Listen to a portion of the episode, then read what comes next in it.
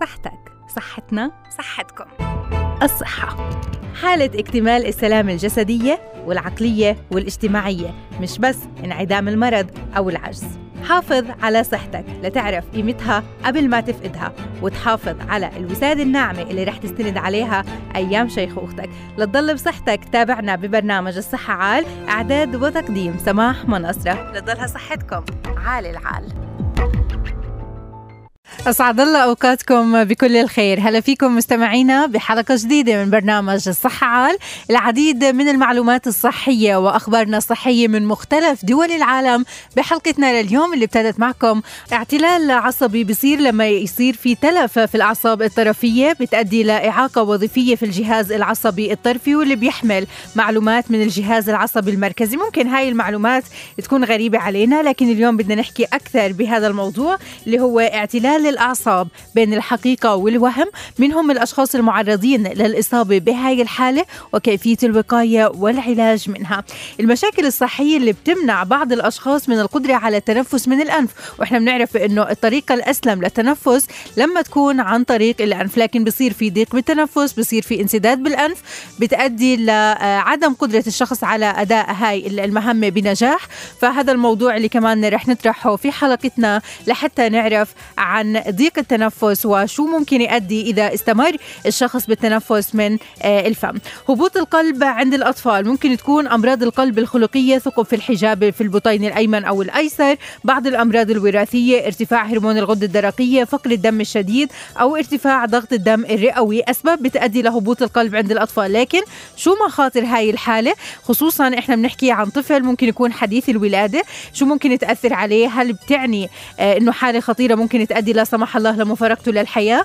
بالإضافة لالتهاب المرارة شو بتكون الأسباب اللي بتأدي لإلها؟ وأيضا متى ممكن يكون حاد أنواعه أيضا والعلاج والوقاية؟ معكم بالإعداد والتقديم من وراء الميكروفون أنا سمح مناصرة. حيا الله فيكم. في ثلاث أنواع رئيسية للأعصاب. أعصاب حسية اللي بتنقل مختلف الأحاسيس للمخ واللي بتشمل الإحساس بدرجة الحرارة أو الألم. الأعصاب الحركية اللي بتعمل على إرسال إشارات للدماغ للعضلات لتتحكم في الانقباض والانبساط العضلي. والأعصاب اللا اراديه اللي بتختص بوظائف مثل معدل ضربات القلب والتنفس والهضم. اليوم ممكن يصير في اعتلال بهاي الأعصاب. فاليوم بدنا نحكي أكثر بهذا الموضوع. اعتلال الأعصاب شو هو؟ كيف الامكان ان نشعر فيه بالإضافة للمعلومات اللي تثار حول هذا الموضوع هل هي حقيقية ولا ممكن بعيدة عن الواقع نوعا ما؟ رح نناقش هذا الموضوع أكثر مع الدكتور عماد تلاحمي استشاري جراحة الأعصاب والدماغ والعمود الفقري. دكتور أهلا وسهلا فيك يسعد أوقاتك. يا حياك الله وسهلا بكم مستمعين الكرام. أهلا وسهلا تفضلوا أهلا وسهلا بحضرتك. دكتور حديثنا معك لليوم عن اعتلال الأعصاب. بداية خلينا نوضح المقصود بهاي الحالة والأسباب اللي بتؤدي لها. اعتلال من الكلمة يعني العربية إنه العصب بيمرض يعني بصير في العصب مشكلة فبيبطل يشتغل ويؤدي وظيفته اللي الله خلقه من أجلها. والعصب له وظائف عديدة. يعني اهمها أو أسرعها هي بدنا نحكي عن خمس وظائف منها وظيفة الإعطاء الإشارة الحركية مثلا قدم رجلك الامام أو اخرها لورا آه والوظيفة الثانية المرادفة لها وظيفة الإحساس. العميق أو آه، الإحساس يعني بشكل عام. بعدين تدخل في إحساس الحرارة وظيفة أخرى إحساس البرودة الشعور بالألم التعبير عن موقع المفصل فاتح ومسكر يعني فهناك عدة وظائف للعصب آه، بيقوم فيها. وهناك وظائف أخرى مثل أمر للأمعاء بالانقباض والتمدد أو الارتخاء الأمر ببعض الغدد بالإفراز أو عدم الإفراز آه هناك برضه يعني بعض الأعصاب تشتغل الحاله النفسيه وما شابه. فالأوامر مختلفة بتطلع من الجهاز العصبي وبتنتشر في عصبونات والعصبونات لها أماكن ينتهي مفعول العصب فيه من عضل أو جلد أو آه، أو أحشاء أو غدة آه، أو ما شابه. فأي مرض بصيب هذا العصب ممكن يصيب جزء حركي منه العصب ممكن يكون حركي ممكن يكون جزء حسي منه وممكن يكون العصب نفسه انضرب ويتأثر ويتأثر في الجزء الأضعف وهو الجزء المسؤول عن نقل الألم المرهق أو الإحساس المرهق و الإحساس بالحرارة والبرودة. تمام، طب شو المسببات اللي بتؤدي للاعتلال العصبي دكتور؟ أسباب كثيرة جدا ممكن تكون أسباب ميكانيكية يعني م- إصابة دماغية من نزيف دماغي لكسر عظم وضغط على الدماغ أو على أي جزء من الأعصاب المنتشرة سواء في النخاع الشوكي لأنه جهاز عصبي مقسم لقسمين، جهاز عصبي مركزي هو الدماغ والنخاع الشوكي وجهاز عصبي طرفي وهو التفرع آه، المنتشر داخل جميع أعضاء الجسم يعني حتى رأس الاظفر بيصلوا تغذية عصبية. تمام. فالآن حتى يعني حتى يعني باطن يعني اللي هي بطانة الاظفر الآن إحنا بالنسبة لنا أي جزء من هذا الجهاز بنضغط عليه آه، بسبب آه، ميكانيكي هذا بسبب تاثير العصبي هناك أسباب ثانية أكيد آه، منها المرض في العصب ممكن العصب يلتهب مثل بيجونا عندهم العصب السابع بيكون الفيروس غالبا بيكون بيطلع على الالتهاب الحماوي تدخل العصب بتضربه فبطل يشتغل بيلتهب ممكن يكون التهاب صابه بسبب مادة كيماوية الكلور الفلور أكثر عن مادة تاثر على العصب وبتمنع إنه يشتغل يكون صعقه كهربائية. بيجيك شاب بيقول لك تعرضت لصعقه ما تحرك إيدي. فبكون العصب انضرب لأنه العصب عبارة عن آه، يعني آه، وصلة كهربائية فالكهرباء بتنتشر فيه وبتحرقه وبتأثر فيه. تمام. طيب هلا دكتور يعني كيف بيتم تشخيص هاي الحالة عندنا لحتى نعرف إنه آه، الخلل مش بجسم يعني بعضو تاني بالجسم الخلل هو بالعصب؟ آه إحنا يعني أول شيء طبعا هذه وظيفة الطبيب طبيب الأعصاب أو جراح الأعصاب بيكشف عن المريض يشوف بالضبط شو المعاناة اللي بيعانيها بيميز هل هي المعاناة خاصة بعضو أم خاصة بالوصله العصبيه للعضو يعني للجهاز الآمر. وهذا ببين على الفحص السريري آه، بشكل أحيانا ظني بيكون تبعت المريض إذا كان في مجال لهذا العضو يعمل تخطيط عصب آه، بتعمل يعمل تخطيط عصب. بس إذا كان مثلا أنت عندك إنسان مثلا عنده ألم شديد في ركبته آه، ألم آه، موجود مع حركة الركبه وموجود في نقاط أكثر من عصب بيشترك في تغذيتها فغالبا أنت بترجح إنه يكون ألم مفصلي مش إنه عصبي. بس إذا كان الالم حسي وكأنه كهرباء واصله أو في مشكلة في الإحساس على مستوى هذا هي الركبة. فانت الآن تبدأ تفكر في إنه في جذر عصبي آه، مضغوط في الظهر. يعني هناك غضروف بيضغط على العصب تمام طيب. أها. آه. يعني دكتور بس خلينا آه. آه خلينا نختم الحديث لأنه ما ضل معنا وقت بالطرق العلاجية لهي الحالة شو بتكون؟ العلاج بيعتمد على طبعا المسبب. كان غضروف بدك تشيل غضروف كان كسر جمجمي غيره بدك تعالجه. كان التهاب عصب. بدك انت تشتغل عليه أحيانا تشتغل بالكورتيزون أحيانا تشتغل بغذيات العصب. آه فأحيانا تضطر تقطع العصب حتى إنك أنت تشيل ألمه. أه. فيعني أمور كثيرة الطرق العلاجية. مجالها وسيع جدا. أهم شيء إنك تراجع طبيب عصب أعصاب اللي يشخص لك الموضوع. وبناء عليه يحط لك الحلول إن شاء الله. تمام. بدي أتشكرك دكتور يعطيك ألف عافية. اذا الحالة اللي ممكن آه، تظهر علينا الأعراض اللي ممكن نعاني منها ممكن تكون لاعتلال آه، عصبي ممكن حدث لنا بسبب آه، أو بآخر من الأسباب اللي ذكرها الدكتور. طرق التشخيص مهمة جدا والطرق العلاجيه بحددها الطبيب المختص. شكرا للدكتور عماد التلاحمي استشاري جراحة الأعصاب والدماغ والعمود الفقري. بعد الفاصل المشاكل الصحية اللي بتمنع بعض الأشخاص عن القدرة على التنفس من الأنف. خلينا نروح لفاصل راجعين مستمعينا ضيق التنفس من المشاكل الصحية اللي بتستوجب العلاج على وجه السرعة خصوصا أنه التنفس من الأنف هو العنصر الأهم في عملية دخول الهواء للرئتين. إذا عانى الشخص من ضيق التنفس من الأنف لجأ للتنفس من الفم. بيدخل للرئتين والحلق هواء جاف وبارد مليء بالشوائب وهذا اللي بيسبب الكثير من المضاعفات والالتهابات وممكن كمان حصول جفاف في الحلق والشفتين. فاليوم بدنا نحكي شو الأسباب اللي بتأدي على عدم قدرة الأشخاص على التنفس من الأنف.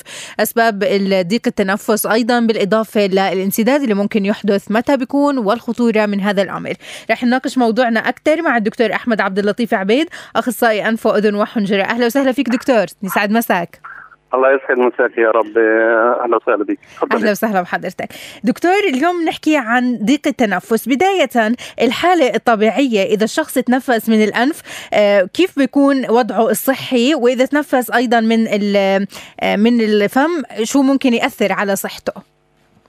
آه، طبعا بحب أرحب فيك وفي مستمعين القناة الأعزاء. بدي أوضح شغلة مهمة كثير طبعا. تفضل. اللي هو الأنف يعني حسب آه، ما هو متعارف عليه هو القناة آه، الطبيعية للتنفس السليم آه، من حيث انه وجود طبقة مخاطية مبطنة لتجويف الأنف مسؤولة عن تنقية وتدفئة وفلترة الهواء من الشوائب والفيروسات والبكتيريا وتدفئة الهواء عن طريق دخول الهواء حجرات تسمى الجيوب الأنفية ومن ثم يدخل مرطبا دافئا إلى القصبة الهوائية أها. اللي بتوصل الهواء للرئتين وبتم عملية تبادل الغازات الغازات في الرئتين بشكل طبيعي وسليم. تمام هلأ في بعض الأشخاص ما بتكون عندهم قدرة على التنفس من الأنف مع إنهم بيعرفوا بإنه التنفس من الفم ممكن يؤدي لخطوره عليهم هؤلاء شو بصير معهم شو اللي بيؤدي لضيق التنفس من الأنف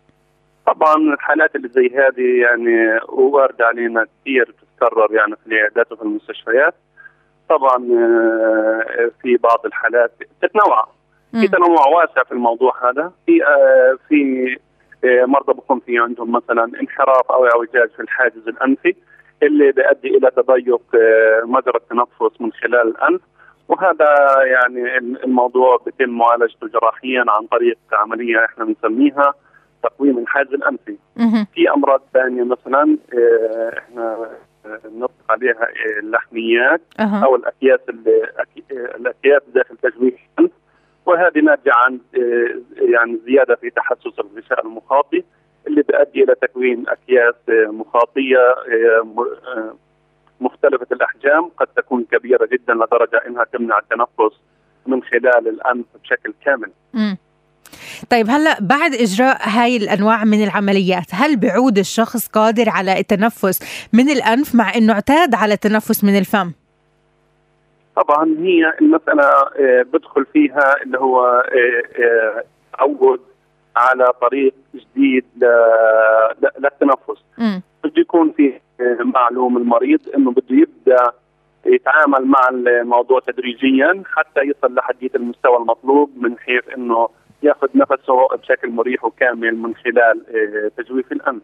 وهذا أفضل وأسلم لصحة ال- الإنسان لأنه آه، سبحان الله يعني ربنا وضع كل الشروط آه، والأدوات والوظائف في تجويف الانف عشان يكون الإنسان بصحة وعافية. صحيح. ولكن في بعض الأشخاص طبعا بتلاقيهم تلقائيا في بعض الظروف أو في مشاكل صحية معينة بياخذ اللي هو النفس من خلال التم وهذا أحيانا بصير مع الإنسان السليم إذا بكون تعبان أو بدري أو. هذا أو يعني بيبذل جهد على أساس إنه بضاعف كمية الهواء اللي بتدخل للرئتين وبرفع منسوب ال- الأكسجين حسب جهد عضلة القلب وتوتر العضلة نفسها. طيب هون في بعض الأشخاص ما بدهم يلجأوا للطبيب المختص آه، خوفا من إجراء هذا النوع من العمليات لكن بيسألوا هون عن آه، تجنب مسببات التحسس وكيف بالامكان التخلص من ضيق النفس إذا كان بالإمكان عمل بعض الوسائل تكون بيتية.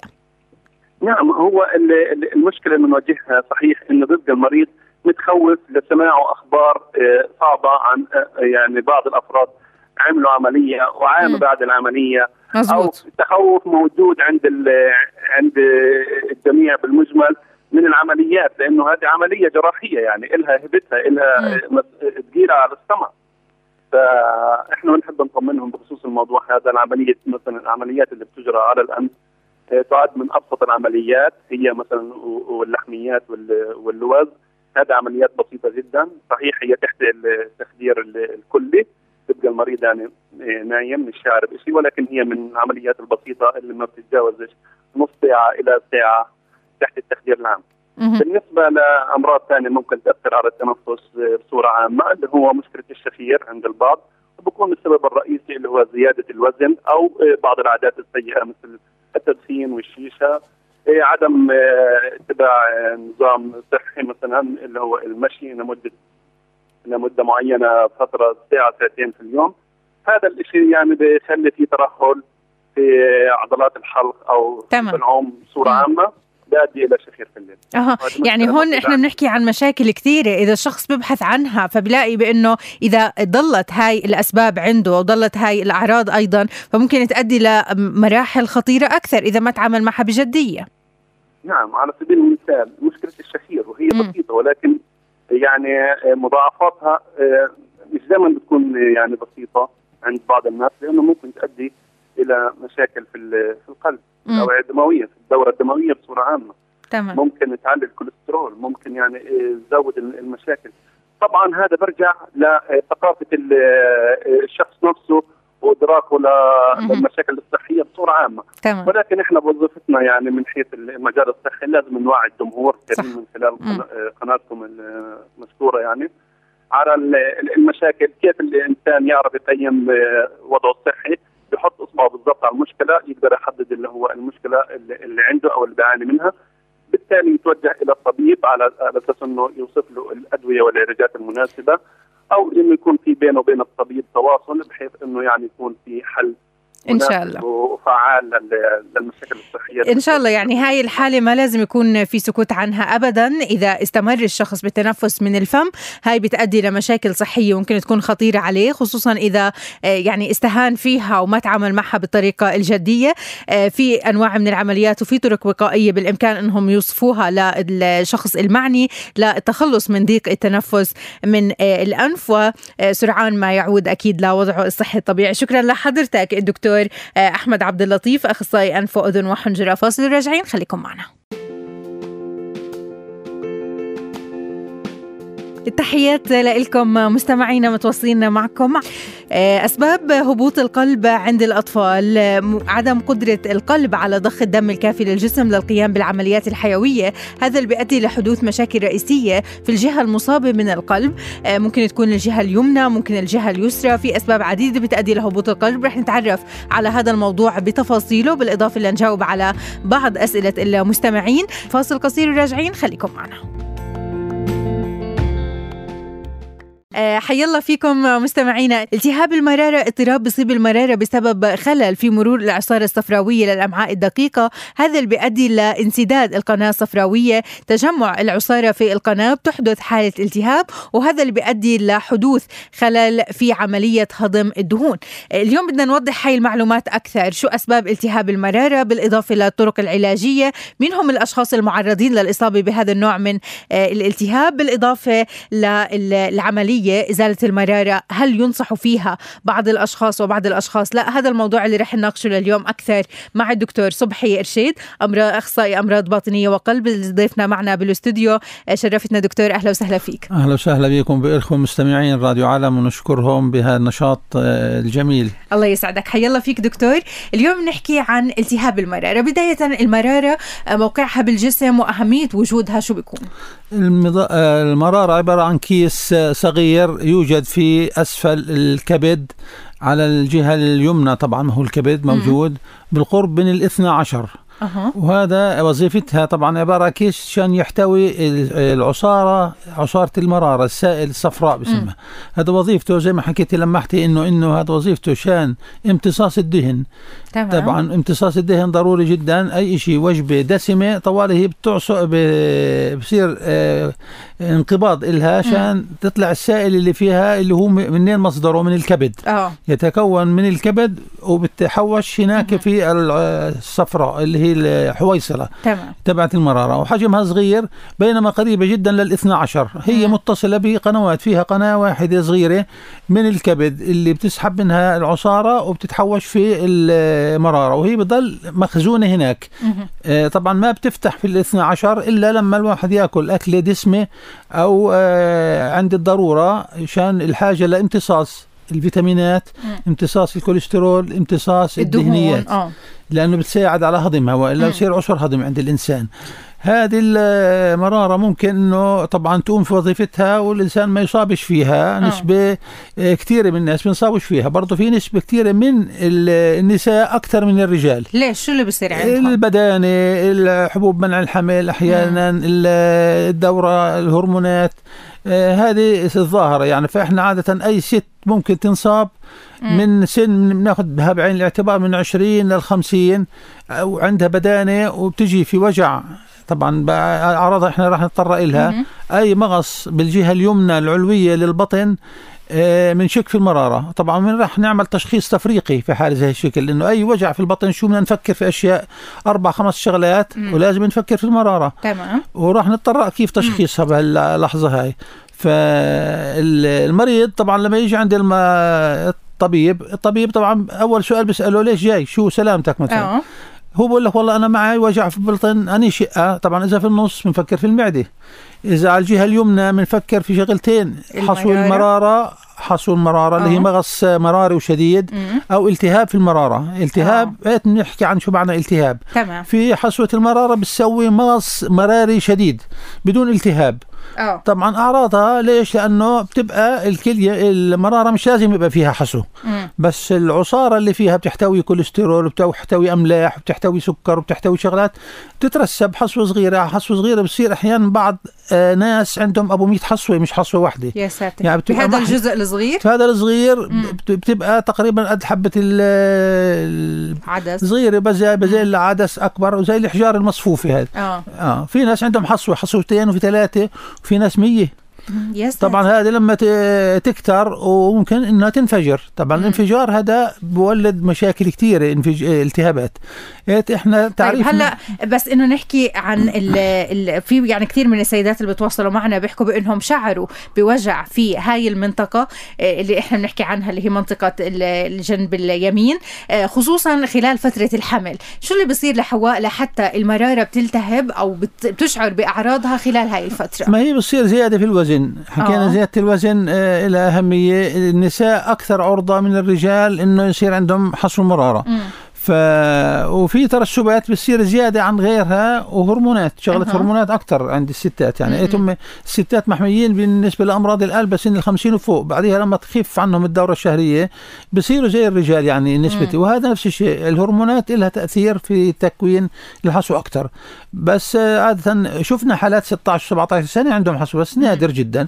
أما عادة من أي ست أو أي شخص رجل كمان بس النسبة أكثر في النساء آه، بيشكي من وجع بنفكر في المرارة وتشخيصها سهل جدا مم. وسريع طبعا الطبيب لما هي تقول على جنب اليمين أنا بفكر في سببين يعني أو ثلاثة أو أربعة في ال- ال- التهاب. أو حصوة آه، عندنا فحص إحنا إحنا بنقص على الجهة اليمنى لمنطقة الكبد مم. وبنقول له اتنفس للمريض طبعا لما يتنسى بيسحب نفسه بيقدرش يكمل سحبة آه. النفس لأنه بيجي الوجع وجع. بزيادة مم. هذا بتدلك على إنه في شيء في المرارة مم. طبعا آه، في كمان تشخيص تفريقي حصوة الكلية على اليمين ممكن يسوي وجع مشابه. آه. برضه بنفس الشيء ال- وجع المرارة اللي على اليمين بيعكس على المعدة وبيعكس على الصدر. طيب بس إنه بيكون في وجع دكتور ولا إنه بيكون في أعراض تانية مرافقة؟ في أعراض تانية إذا كان في التهاب شو معنى التهاب هلأ ال- المرارة إذا فيها سائل وفي نقطة مهمة جدا برضه لازم انبه لها إنه. الحصوات افرض كان في ثلاث حصوات أو أربع حصوات الحصوة الكبيرة ما نخافش منها كثير. الحصوة الصغيرة هي اللي ممكن تروح على عنق المرارة وتسكر وتسكره. آه. تسكرها هذيك الساعة طبعا بصير تنحشر السائل كله في المرارة. ويصير التهاب ممكن ينفجر والتهاب في جرثومي اللي. هو اسكريكيا كولي أو جرثومة معينة هذه بتسوي تسمم أحيانا. وبتسوي الأعراض آه، اللي إحنا بنعرفها اللي هي ارتفاع بحرارة مم. أشعرية آه، تقيؤ كمان التقيؤ إذا أنت بنسأل المريض أنت بتراجع شو طعمه مر مم. ولا حامض بتميز لنا إنه هل هي من المعدة من قرحة آه ولا أو من. المرارة اللي هي حامض لما مم. سائل صفراوي طعمه آه، مر هذا. فالتشخيص الاعراض هذه طبعا. آه هي هي الأعراض. والهدف من هذا إنه ما نصلش لمرحلة الخطورة اللي هي انفجار المرارة. لا سمح هي بتصير شغلة جراحية طبعا ما مم. قبل التشخيص إحنا هيك بيجي للطبيب الباطني الطبيب الباطني كثير حالات ممكن المريض حتى يبقى عنده حصوة ولها ثلاث أربع سنين مم. ما يشكي ولا مرة مغصها مم. بس تصدف مرة يأكل ليش أكل دسمة وكثيره ويتقل بالأكل يجي المغص الحاد القوي اللي له ميزة على الجهة اليمين وعلى الخلف من الكتف مم. فتشخيصها طبعا بصورة تلفزيونية للبطن. سهلة جدا. لازم يروح المريض بدون أكل. لأنه آه. إذا راح ماكل تبقى الما قديش تقريبا بده يصوم قبل التشخيص؟ ست سبع س... قبل الأكل يعني. آه. بدون فطور كيف بيعمل أي فحص سكري آه، آه، حاجة؟ تمام. يروح ست سبع ساعات بدون. أكل. تبقى ال- المرارة مرتاحة. وقاعدة زي ما تقول. لأنه إذا أكل بصير تعص على اللي فيها. بنشوف مم. إيش الحصو اللي فيها. إذا في حصو إيه، إذا عملنا تشخيص إنه في حصو طبعا الحل مستقبلا. أول على آخر رح تعمل عملية جراحية شيلها شيل الحصو مم. آه، في ناس كتير بسكتوا عليها وبيعرفوش إنه عندهم بقعدوا 10 سنين ما يشكوا ولا أي شيء. صح. فعلى المدى البعيد بصير التهاب في جدار الم- المرارة تمام لأنهم ما بيعرفوا لأنهم ما بيعالجوا الالتهاب اللي صار أو التهاب جدار. المراره بصير سميك آه. وبنشاف هذا بالتلفزيون مم. وفحص بسيط جدا ومش مكلف يعني صورة تلفزيون البطن بفقد المرارة والكلى والأعضاء البطنية والكبد أها فإذا ثبت وجود حصوه طبعا هذا بننصحهم إحنا أول على آخر للجراحه تمام. بيعملها واليوم بطريقة الناظور بيموها بدون ما يفتحوا البطن بطريقة الناظور وبتنشال وبتريح منها. طيب هلأ ال- العمليات الجراحية آه، بس إحنا نشيل المرارة شو اللي بيعوض عنها داخل الجسم للأشخاص اللي المريض زالوها إذا المريض شكى من أشياء مثلا عسر هضم في إنزيمات يأخذها خارجية يعني يتجنب الاشياء الدسمه في ناس كثير بياكلوا إشياء دسمة يتجنب قد ما يقدر بيعيش حياته كثير يعني بعرف ناس كثير عملوا عمليات آه، آه، وعمليات بالضبط. متكررة مم. نادر جدا ما يشكي المريض.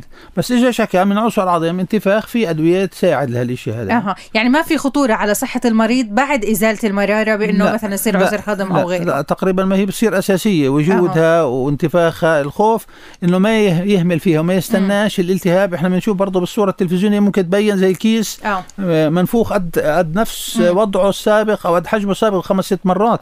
فبدها تنفجر. إذا انفجرت بيسوي التهاب في كل البطن والتهاب الغشاء البريتوني وبصير تمام. خطر على حياة المريض. إن شاء الله إنه المستمعين بيكونوا انتبهوا لهذا الموضوع بشكل كتير كبير لحتى ياخذوا الطرق الوقائية وأيضا ينتبهوا لهذا الأمر. شكرا لحضرتك الدكتور صبحي رشيد شرفتنا دكتور. أهلا وسهلا بكم. شكرا لكم. الله يسعدك. مستمعينا فاصل قصير. بعد الفاصل رح نرجع لآخر مواضيعنا في برنامج الصحة عال. خليكم معنا.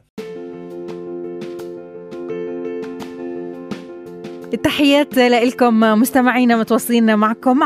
آه، أسباب هبوط القلب عند الأطفال عدم قدرة القلب على ضخ الدم الكافي للجسم للقيام بالعمليات الحيوية. هذا اللي بيؤدي لحدوث مشاكل رئيسية في الجهة المصابة من القلب. آه، ممكن تكون الجهة اليمنى ممكن الجهة اليسرى. في أسباب عديدة بتؤدي لهبوط القلب. رح نتعرف على هذا الموضوع بتفاصيله. بالإضافة لنجاوب على بعض أسئلة المستمعين. فاصل قصير وراجعين خليكم معنا.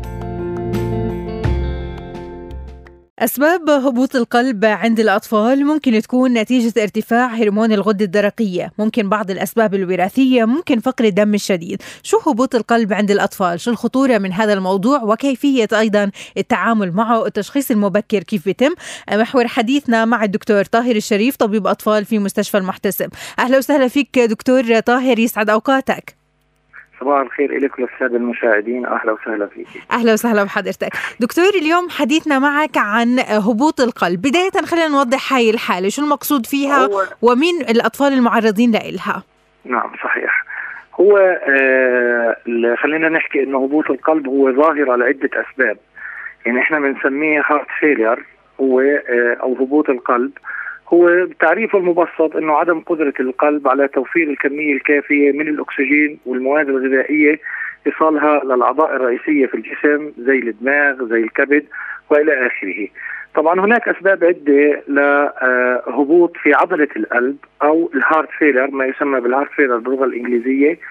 أول سبب إذا بدنا نحكي عن الأطفال طبعا الأطفال يختلفوا يعني في اختلاف جزئي عن الكبار في العمر بالنسبة. للاطفال طبعا ما أنت عارفة إنه عدد ضربات القلب أول شيء نيجي لعدد ضربات القلب مم. سواء كان في زيادة بعدد ضربات القلب وهو الجنين في بطن أمه أو كان هبوط في عدد ضربات القلب ممكن يؤدي هذا إلى قصور في عضلة القلب أها الشغلات الثانية هناك أمراض آه، وراثية آه، نتيجة لتشوهات خلقية موجودة في عضلة القلب يعني مم. من التشوهات الخلقية اللي بتكون موجود أحيانا هناك بتكون فتحات بين البطينين أو بتكون الوصلة اللي إحنا بنسميها بي دي اي أو الوصلة اللي بيكون يتغذى منها الجنين وهو في بطن أمه.